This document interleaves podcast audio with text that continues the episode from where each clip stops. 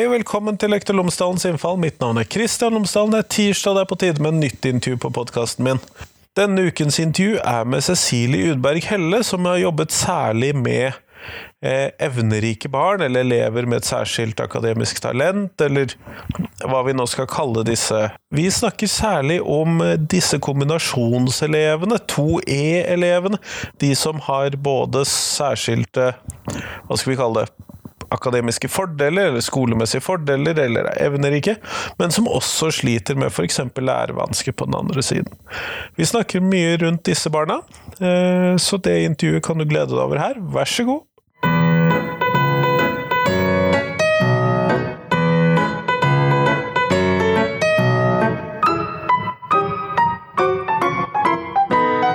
Cecilie Udberg Helle, tusen takk for at du har tatt, deg tid til meg i dag. Jo, bare hyggelig. Før vi starter intervjuet, så kunne du jo fortalt lytterne mine tre ting om deg selv, sånn at de kan bli litt bedre kjent med deg. Ja. ja, hva skal jeg si da? Jeg er utdanna adjunkt i Bonn, og, har, eh, og er da lektor med en master i tilpassa opplæring. Har skrevet oppgave om tilpassa opplæring på evneriket. Så har jeg to barn og fem katter og en mann. Nei, det var litt mer enn tre ting. Det var mer enn tre ting, men det, det går helt fint. Ja. Eh, og vi skal snakke om evnerike barn her i dag, men da tenker jeg at det kan være greit at vi starter med en hva skal vi mm. kalle det, definisjon, eller at vi i hvert fall snakker om hva er dette? Ja. Det er jo eh, etter hvert når den eh, stortingsmeldingen kom, mer å hente, så har jo de definert det her litt som en, en ganske smal gruppe, 2-5% av elevmassen. Eh, elever med høy IQ, som da overstiger gjerne 120, 125, 130. Men hvis du skal ha med alle de som kanskje ligger over gjennomsnittet, så må du kanskje ta med flere, 15-20% av elevmassen. Så eh, erfaringsmessig, ut fra det jeg har sett gjennom mange år i skolen, så tenker jeg det at eh, du kan snakke om barn med høyt læringspotensial, kall det det eller evnerike, når du bikker 115-120 i IQ. Et standardavvik over snitt. Da bør man begynne å tilpasse. Ja. ja. Har de krav på den tilpasningen? Hvordan er det? det?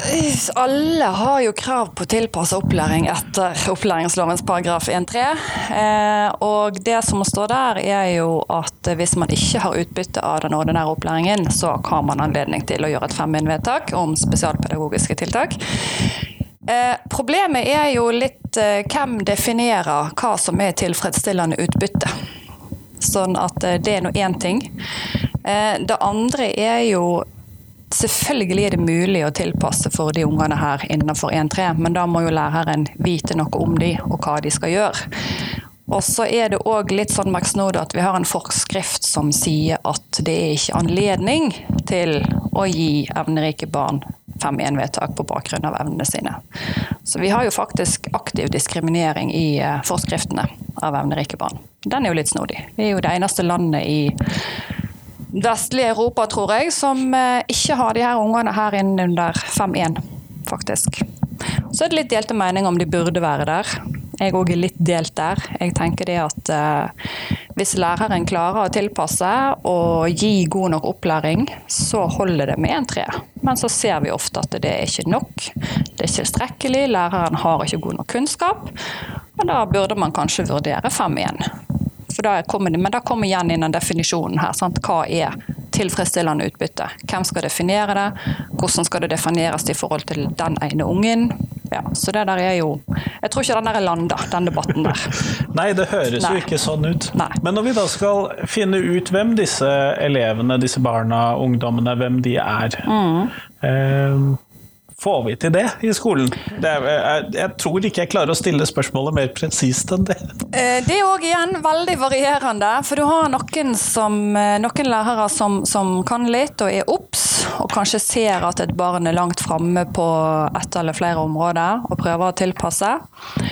Eh, men så opplever jo jeg at når jeg er rundt omkring på skolene og sånn, så, så, er lærerne ute etter en sånn eh, sjekkliste. Eh, og det kan man så Ja, for hvis vi ja. ser dette, så Ja.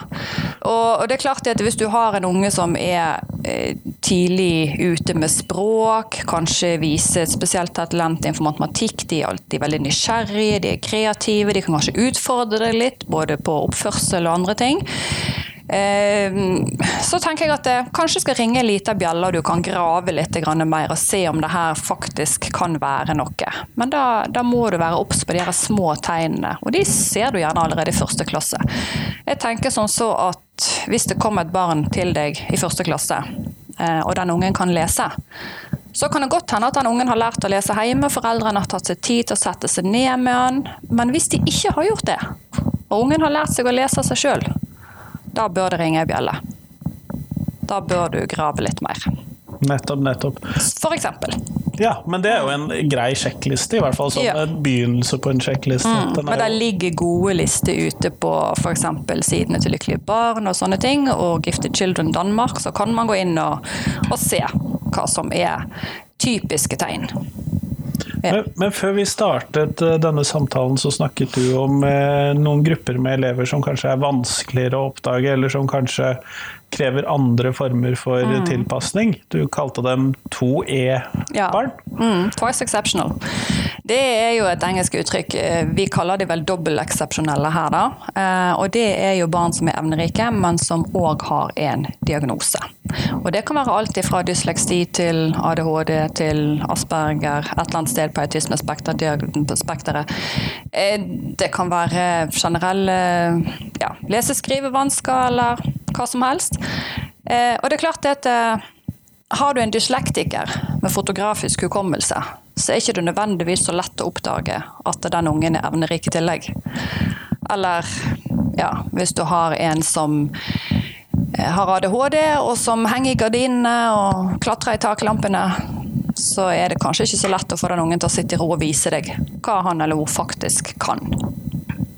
Nettopp, nettopp. Og der er det vel også sånn at man ofte tar kanskje feil i eh, en viss når man driver og undersøker mm. hva er galt med dette barnet, i gåseøynene. ja, ja. Eh, at man tar feil av ADHD og eh, de som er evnerike barn. Da. Ja, Så. Der er jo veldig mange ganger så tar man en VISK-test.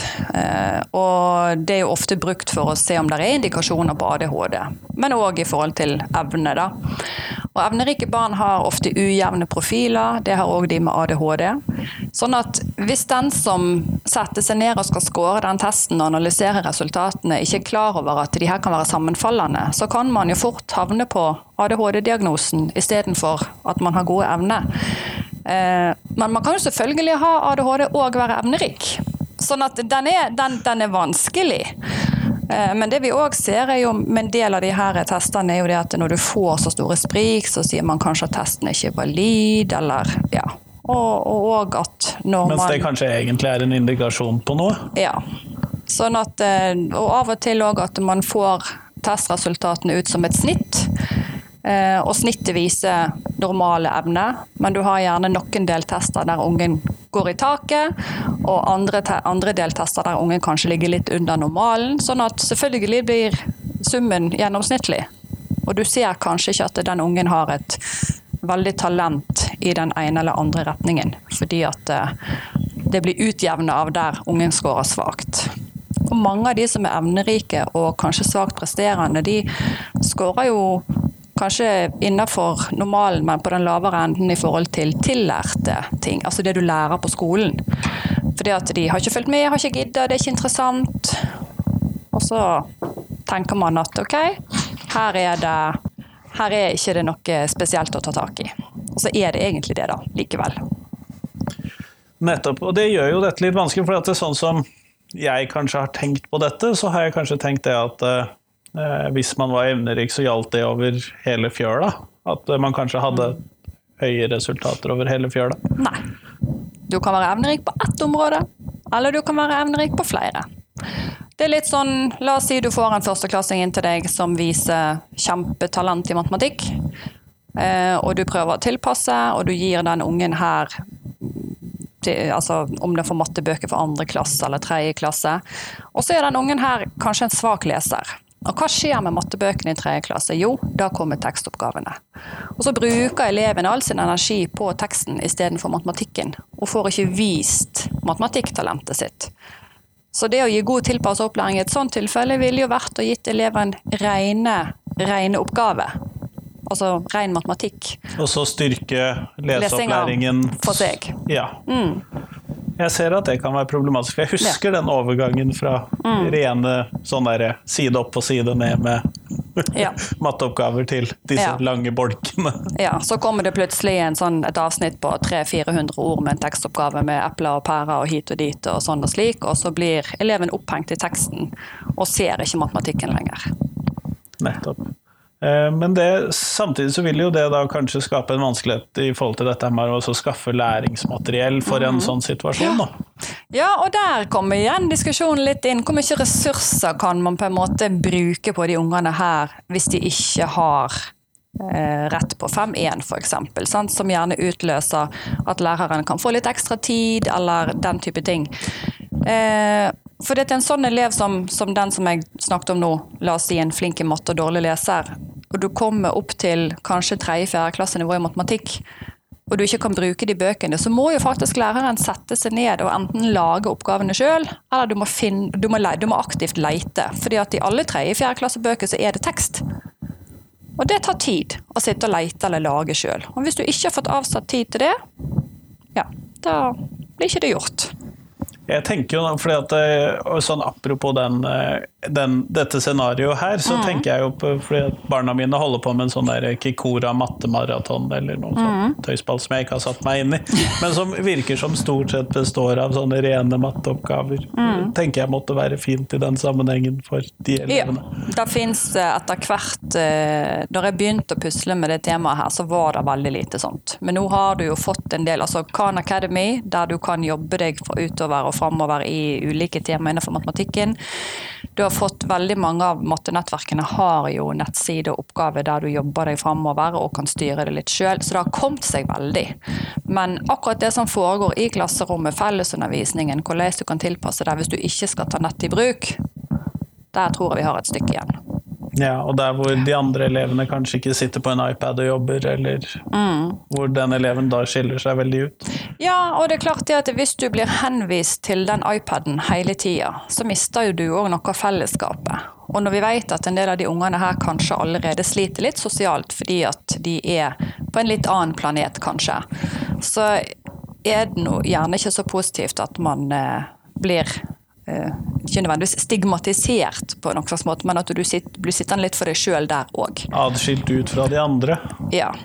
Ja, men, og, og det er jo noe som jeg merker med de jeg prater med på podkasten, at eh, man større fokus på å få denne spesialundervisningen eller tilpassede opplæringen som en del av den ordinære klasseromsituasjonen.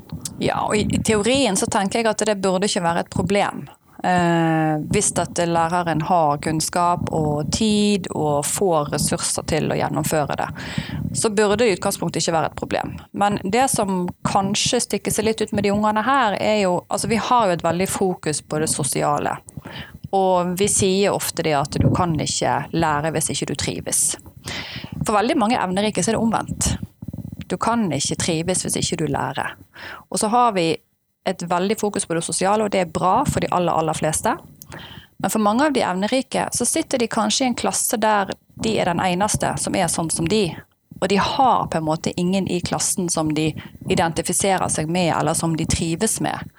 Så det å presse de inn i sosiale situasjoner der de i utgangspunktet ikke har noe til felles med noen av de andre, det, det blir feil. Nettopp. Jeg ser at der er det en problemstilling. Eh, nå- og når du da sier dette, og så hvis jeg da tenker tilbake på et tidligere intervju om skolevegring, ser vi noe sammenheng inn her til skolevegring inn i dette? Ja, jeg tror det. Fordi at hvis ikke du trives, du ikke har noen i klassen du identifiserer deg med eller føler noe fellesskap til, hvis de du er sammen med kanskje går på trinnet over eller enda høyere opp, for det er de du identifiserer deg med intellektuelt sett, det er de som utfordrer deg kognitivt, så det er klart det at eh, hva i all verden skal du gjøre på skolen da, hvis du ikke trives i klassen, du ikke får faglige utfordringer, du lærer like mye med å sitte hjemme på, på nettet og se på YouTube-videoer eller pusle på med et eller annet sjøl. Eh, sånn at eh, den, den, den er litt sånn eh, Ja, der er en sammenheng. Det tror jeg nok absolutt at det er. Ser vi den i statistikkene? Nei, det tror jeg ikke. Skolevegring er veldig fokusert. Altså, der er på en måte noen sånne her ja, tre faste, eller de, de, store greiene er på en måte angst, eh, psykiske vansker eller rus i heimen, den type ting, som er, som er års, hovedårsaker til skolevegring. Men så er det en sånn 20-30 der man ikke finner noen konkret årsak til skolevegringen.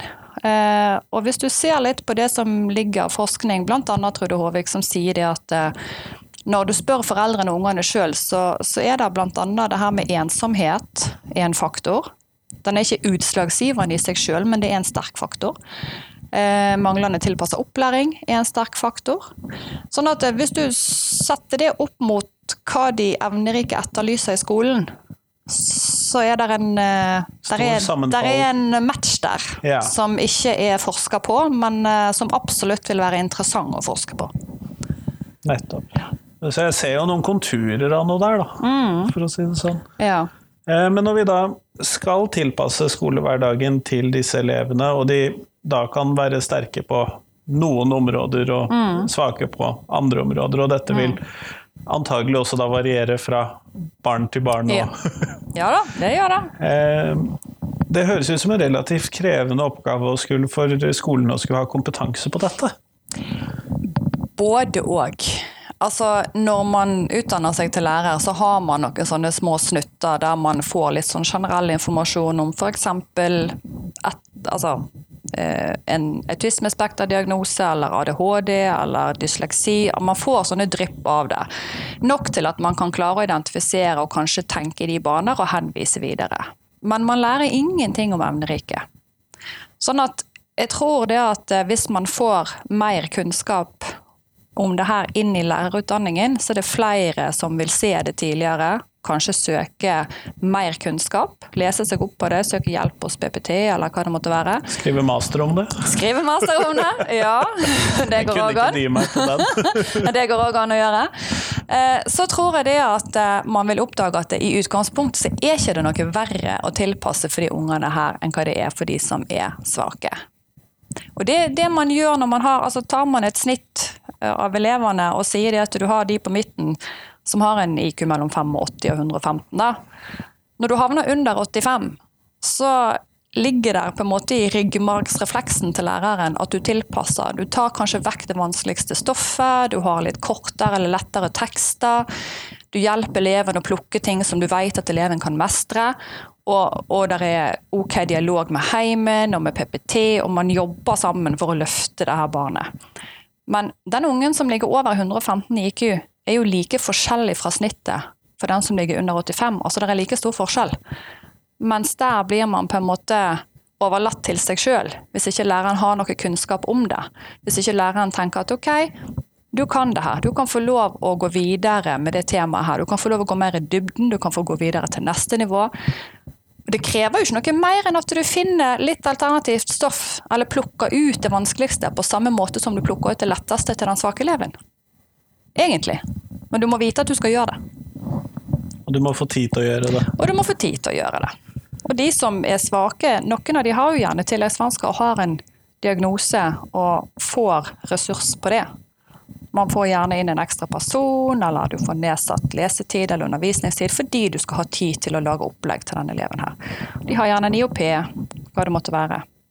Der tenker jeg at det, eh, det burde vært det samme andre veien. Eh, og Du sier jo dette med at man gjerne har enklere tekster, og jeg har jo sett det at vi av og til har sånne litt enklere utgaver av samfunnsfagsbøkene mm. osv. Men jeg har aldri sett en forsterket utgave av samfunnsfagboka. Nei, det har du nok ikke. Det har du nok ikke. Det tror jeg, det tror jeg faktisk ikke fins.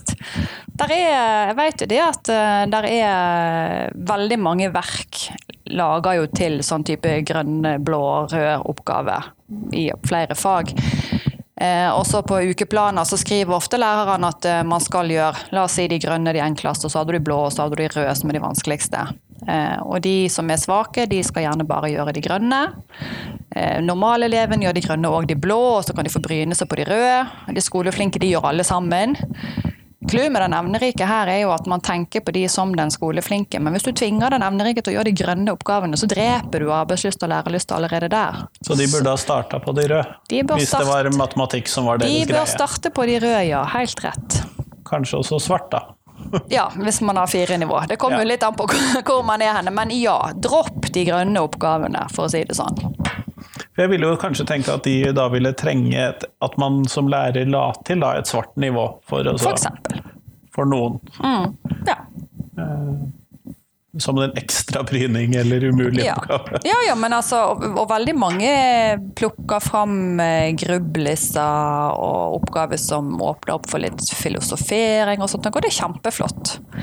Eh, Men hvis du først forlanger at eleven skal gjøre de 20 andre sidene, så finner de jo fort ut at eh, nei, det gidder jeg ikke. Og da dropper man hele greia. Ja, for det er jo ikke da sikkert at konklusjonen blir 'jeg starter der oppe'. Nei. det, altså det er noe med at eh, hvis du kan det som er på de grønne oppgavene, og du vet at du er nødt til å gjøre det før du får komme til det som er gøy og utfordrende, så lenge du på en måte har lyst, og du ikke er hva skal jeg si, sosialisert inn i den måten vi jobber på på skolen, så kan hende du fikser det ei stund. Men så går du lei, og så lærer du deg til å jobbe seinere. For veldig mange opplever jo det at når de er ferdig med det som på en måte klassen skal gjøre, så får de såkalte ekstraoppgaver. Nye kjedelige oppgaver. Yes, som er mer av det samme. Eh, og det de lærer seg, er jo det at hvis jeg er flink og jobber godt, så får jeg mer av det samme kjedelige. Så det er like greit å la være. Så de slutter å utfordre seg sjøl. De får ikke trent utholdenhet. De får ikke oppleve reell mestring. For veldig ofte så er det jo òg at lærerne gir de oppgaver som de tenker er utfordrende og vanskelige. Men de er ikke det i eleven sine øyne.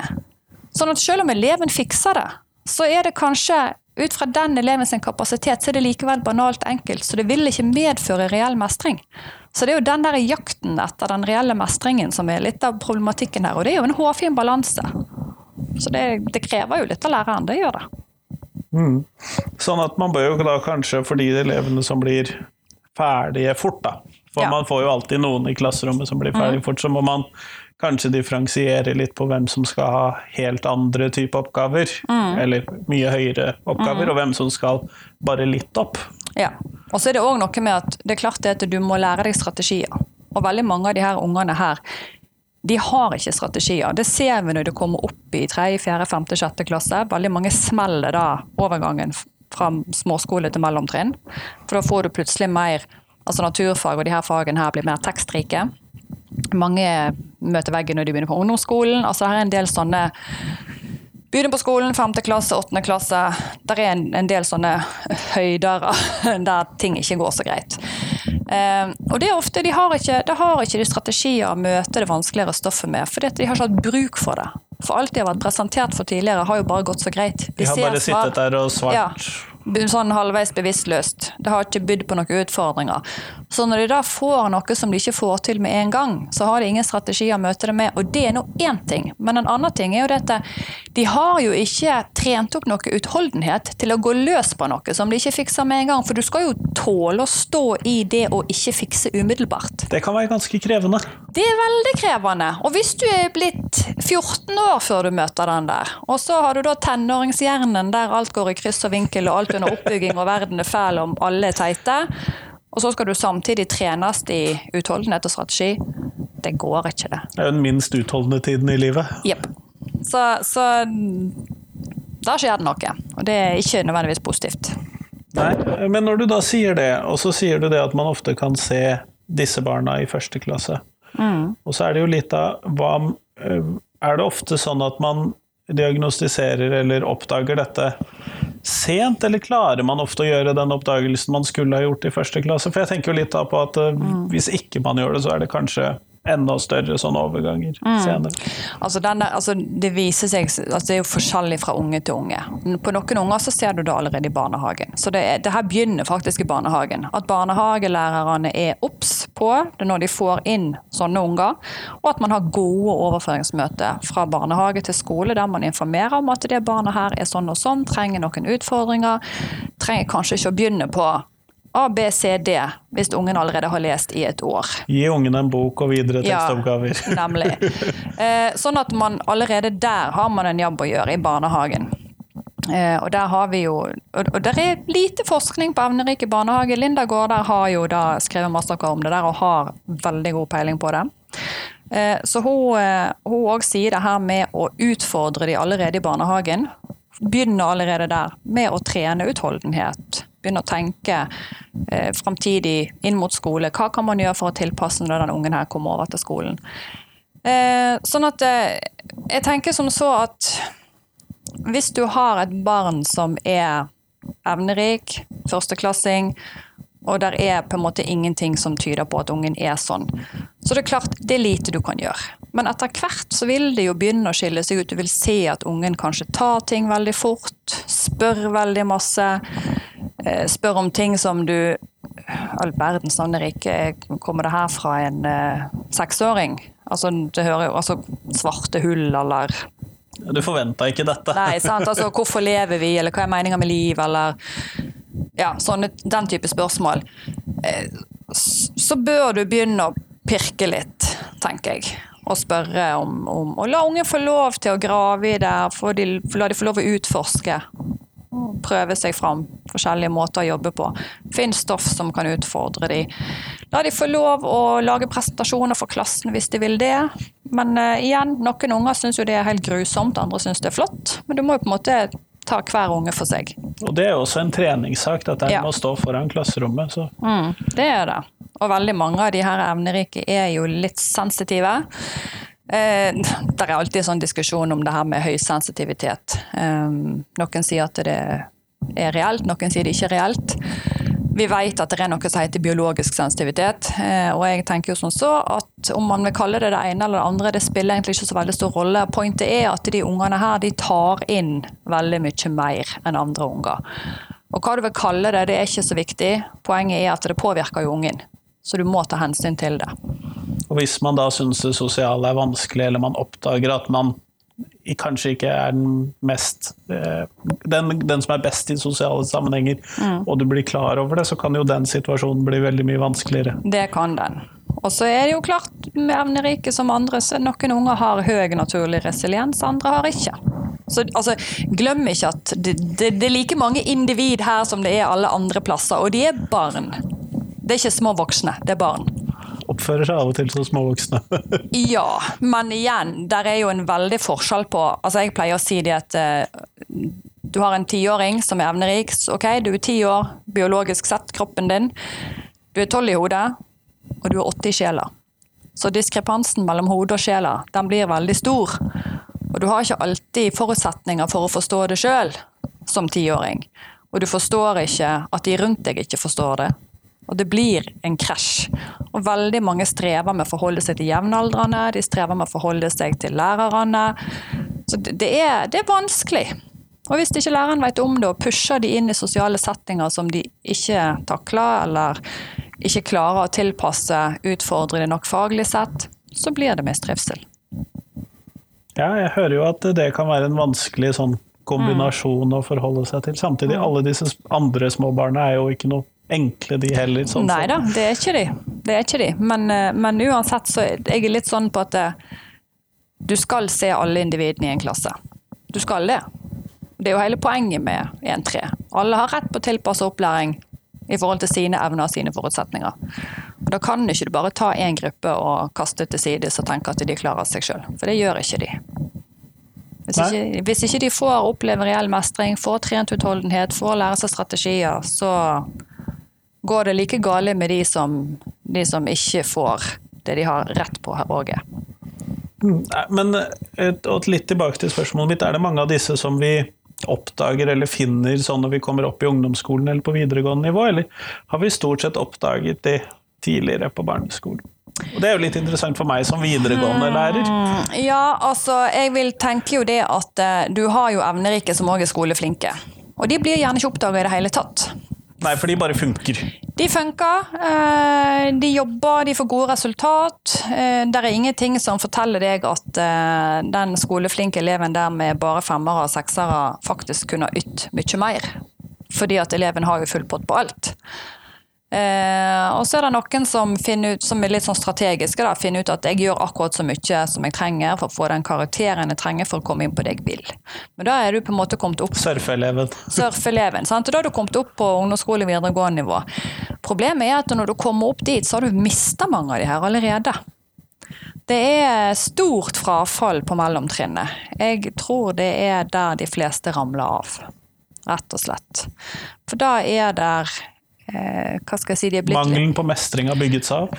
ja, den har bygga seg opp, og, og det at de ikke har strategier, de har ikke trent utholdenhet, alt dette her, her greiene her, det, da har det gått over så mange år at det er vanskelig å hanke det inn igjen. Jeg har fått elever på, når jeg jobber på videregående, som egentlig har vært ute og sykla siden ungdomsskolen. Eh, og det å hanke de inn igjen, det, det er en seig prosess. Da må du helt ned på type småskolenivå i forhold til å avlære uvaner og prøve å lære mestringsstrategier. Men å, å sitte med en 17-18-åring som har gitt F-en i to, tre, fire år, og gjerne havner på OT-tjenesten f.eks., og så skal du prøve å trene strategier. Hva har du å hjelpe deg med? Mye av det her er jo tilpassa type sju-åtteåringer. Det blir barnslig, det blir teit, de gidder ikke. Veldig ofte så er det sukk og stønn og 'jeg gir nå F-en' og gidder ikke' og Hva trenger jeg dette for, Og 'hvorfor skal de' og uh, sant? Blir gitt opp, rett og slett. Eh, og så dumper de ut, da. Av videregående. En del av frafallselevene er nok eh, evnerike elever som kommer fra ungdomsskolen med IV, enere, toere. Havner på en linje på videregående som de ikke er motivert for, for det var der det var ledig plass. Alle har jo rett på videregående opplæring, så du kommer jo inn, men du kommer ikke nødvendigvis inn på det du vil. Eh, og eh, ja, da er nå i alle fall motivasjonen lav. Så Ja. da, ja da. Men hvis vi da Fordi at i de siste årene så har det vært en debatt knyttet til hvor vi skal plassere spesialundervisning, og hvor vi skal plassere kompetansen på dette området, og hvor det kom en rapport som også foreslo at vi skulle flytte PPT bort mm. At vi skulle fjerne PPT og flytte dette ut på skolene. Ja. Hva tenker du her i forhold til denne elevgruppen? Ja, altså jeg er jo litt sånn, jeg er litt sånn delt i forhold til den der flytt PPT ut på skolene. Eh, for det er klart det at det er sånn som det er i dag, mye av spesialundervisningen på skolene blir utført av assistenter eh, eller folk som ikke har spesialpedagogisk utdannelse. Og jeg tror det at en del av de tingene som blir snakka om som, som er feil, sånn som det er i dag, mye av det kunne vært retta opp hvis at den som faktisk utførte spesialundervisningen i skolen, var spesialpedagog. Og jeg tror det at enhver skole hadde hatt nytte av å ha en spesialpedagog gående på laust, for å si det sånn, i småskolen. Og kjøre kurs med lesetrening eller matematikk eller hva det måtte være som elevene trenger. Og det er klart det at hvis du kan kjøre de her kursene, gjerne over seks uker eller åtte uker, eller hva det måtte være, med svake elever, så kan du òg gjøre det med sterke elever. Ha muligheten til å hospitere. Er man på en større skole, så kan man parallellegge f.eks. norskfaget i ulike trinn, og kan samle grupper som da får undervisning på samme nivå. Men så er det jo også sånn at vi har jo ikke lov å nivådele klassene, men du har en mulighet innenfor lovverket til å gjøre det i perioder. Så det, hvis du da hadde hatt kurs der elevene fikk komme ut i perioder og jobbe med tilpassa stoff, kan du selvfølgelig kjøre det i begge retninger. Sånn at den eleven som kommer i første klasse og kan lese, kan egentlig da gå inn i andre eller tredje klasse. Få være, med på te- være med på tekstarbeid i andre eller tredje klasse, f.eks. Ja. Og tredjeklasseeleven som trenger forsterket leseundervisning, kan gå ned i andre eller første. Et eller annet sånt. Ja. At man har de kursene sammensatt av elever på fra forskjellige trinn. Men det krever jo egentlig igjen da at du har ressurser til det. Og det er der jeg tenker at det, kunne man tatt seg råd til å ha den spesialpedagogen gående på laust i småskolen, så tror jeg du kunne spart inn en god del av det som dukker opp på ungdomsskolen. Det krever vel også kanskje at vi har nok utdannede spesialpedagoger. Det gjør det, det gjør det. Absolutt. Og det er jo ikke nødvendigvis en automatikk i at man har spesialpedagoger på alle skoler eller eh, i alle kommuner. Så små kommuner med små skoler, det, det er vanskelig. Og da tenker jeg igjen dette her med at eh, hvis du da skal fjerne PPT-kontoret, som kanskje er den eneste plassen der man har mulighet til å gå for å få råd og hjelp og tips, hva skal du gjøre hvis den forsvinner? Ja, for de blir jo da kanskje ikke værende i den kommunen. Den kommunen man bor i. Sant? Blir det sentralisert til større regioner? Så den der er litt sånn Jeg er litt delt på den der. Jeg er ikke helt enig med meg sjøl. Nei, og det eh, er det jo mange saker hvor det er veldig lett å se ting fra flere sider at uh, dette kan ha uheldige konsekvenser. Mm. Og sånn som meg som bor i en storby, så er det ofte lett å legge Bergen eller Oslo til grunn for mm. uh, dette vil funke eller dette vil aldri funke, og så mm. er kanskje realiteten noe annet i Førde eller Utsira eller mm. Finnsnes. Mm. Bare for ja. å ta, ta steder. Ja. Mm. ja. det tror jeg nok at det er. Du har gjerne et PPT-kontor med en håndfull ansatte som skal dekke 10-15 skoler. Eh, og det er klart det at eh, altså, å drive systemarbeid der blir på en måte den måten det, det er jo sånn det blir enklest å komme ut til flest. Samtidig så har du de her individsakene som tar veldig mye tid. Og det er jo der jeg tenker at Kunne du hatt spesialpedagoger på skolene, så kunne man ha tatt veldig mange av individsakene på skolene, og man kunne hatt PPT-kontorene og drevet systemarbeid. Men du får ikke til begge deler, iallfall ikke på små plasser. Og Da må man velge. Og Da sitter jeg og tenker at hvis du da skal sentralisere PPT-kontorene så ikke, betyr ikke det nødvendigvis at du får kvalifiserte spesialpedagoger ute i skolene. Og da, og da, og da får du ikke den samme nærheten til opptrening nei. av de vanlige lærerne nei. eller assistentene, ja, som vi vet så, at det ja. er. Så det, ja, jeg er litt eh, ambivalent i forhold til den der. Jeg ser den. Jeg ser mm. den. Eh, hvis man hadde kunnet vært garantert at det var en spesialpedagog som på løsdrift ute på skolen som mm. ikke hadde vanlig undervisning, så ville det jo kanskje vært lettere. Ja, det tror jeg. Det tror jeg absolutt. Så det, jeg stiller jo meg litt spørsmålstegn da om det finnes mange slike spesialpedagoger som får lov til å gå uten stillings... Uh, uten sånn klasseromstildeling, da. At man gjør nødvendige prosjekter på skolen, men ja. Det, det, det, tror jeg ikke.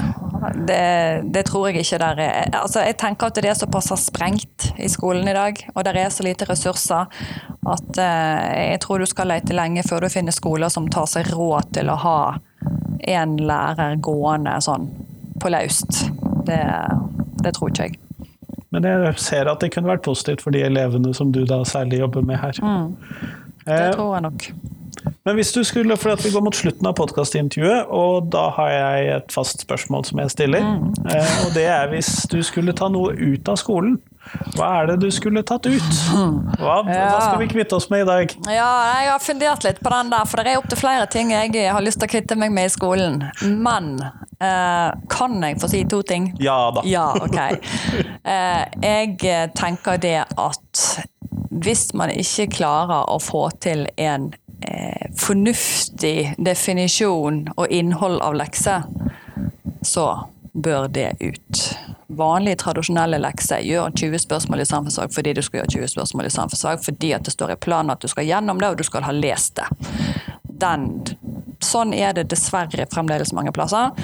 Den tenker jeg må ut. Det må være et poeng med leksene. Sånn at hvis man skal fortsette med lekser, så må det få, ligge klarere rammer for hva lekser er, da? Ja. Er det slik jeg forstår ja, deg? Ja. Det må være noe som elevene kan gjøre sjøl, det må være noe de ser et poeng i å gjøre, og det må være noe som blir tatt med tilbake til skolen. Og så de evinnelige kartleggingsprøvene.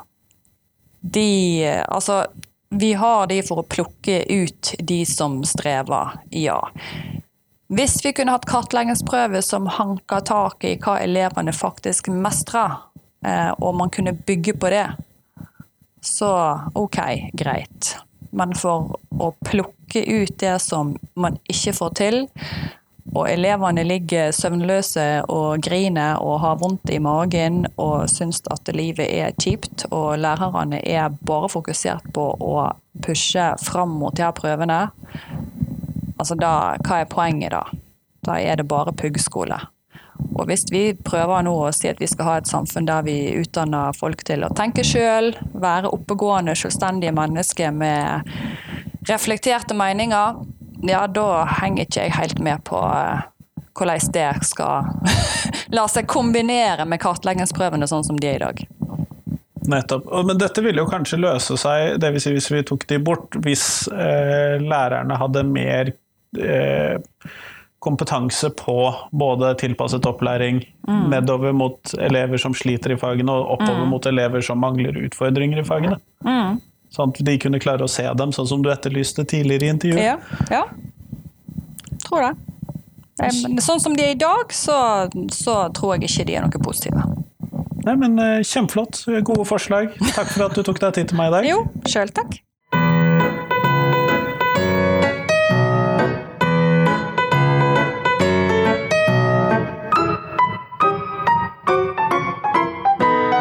Tusen takk til Cecilie, og tusen takk til deg som hørte på. Nå er det en uke igjen til vi høres neste gang. Da treffer du Solveig Molderheim fra Universitetet i Bergen og Raftostiftelsen. Hun snakker om gruppebaserte skjellsord, eller gruppebaserte fordomsfulle utsagn i skolen. Så det blir bra. Det kommer i hvert fall om en uke. Så ha en fin uke, så høres vi. Hei, hei!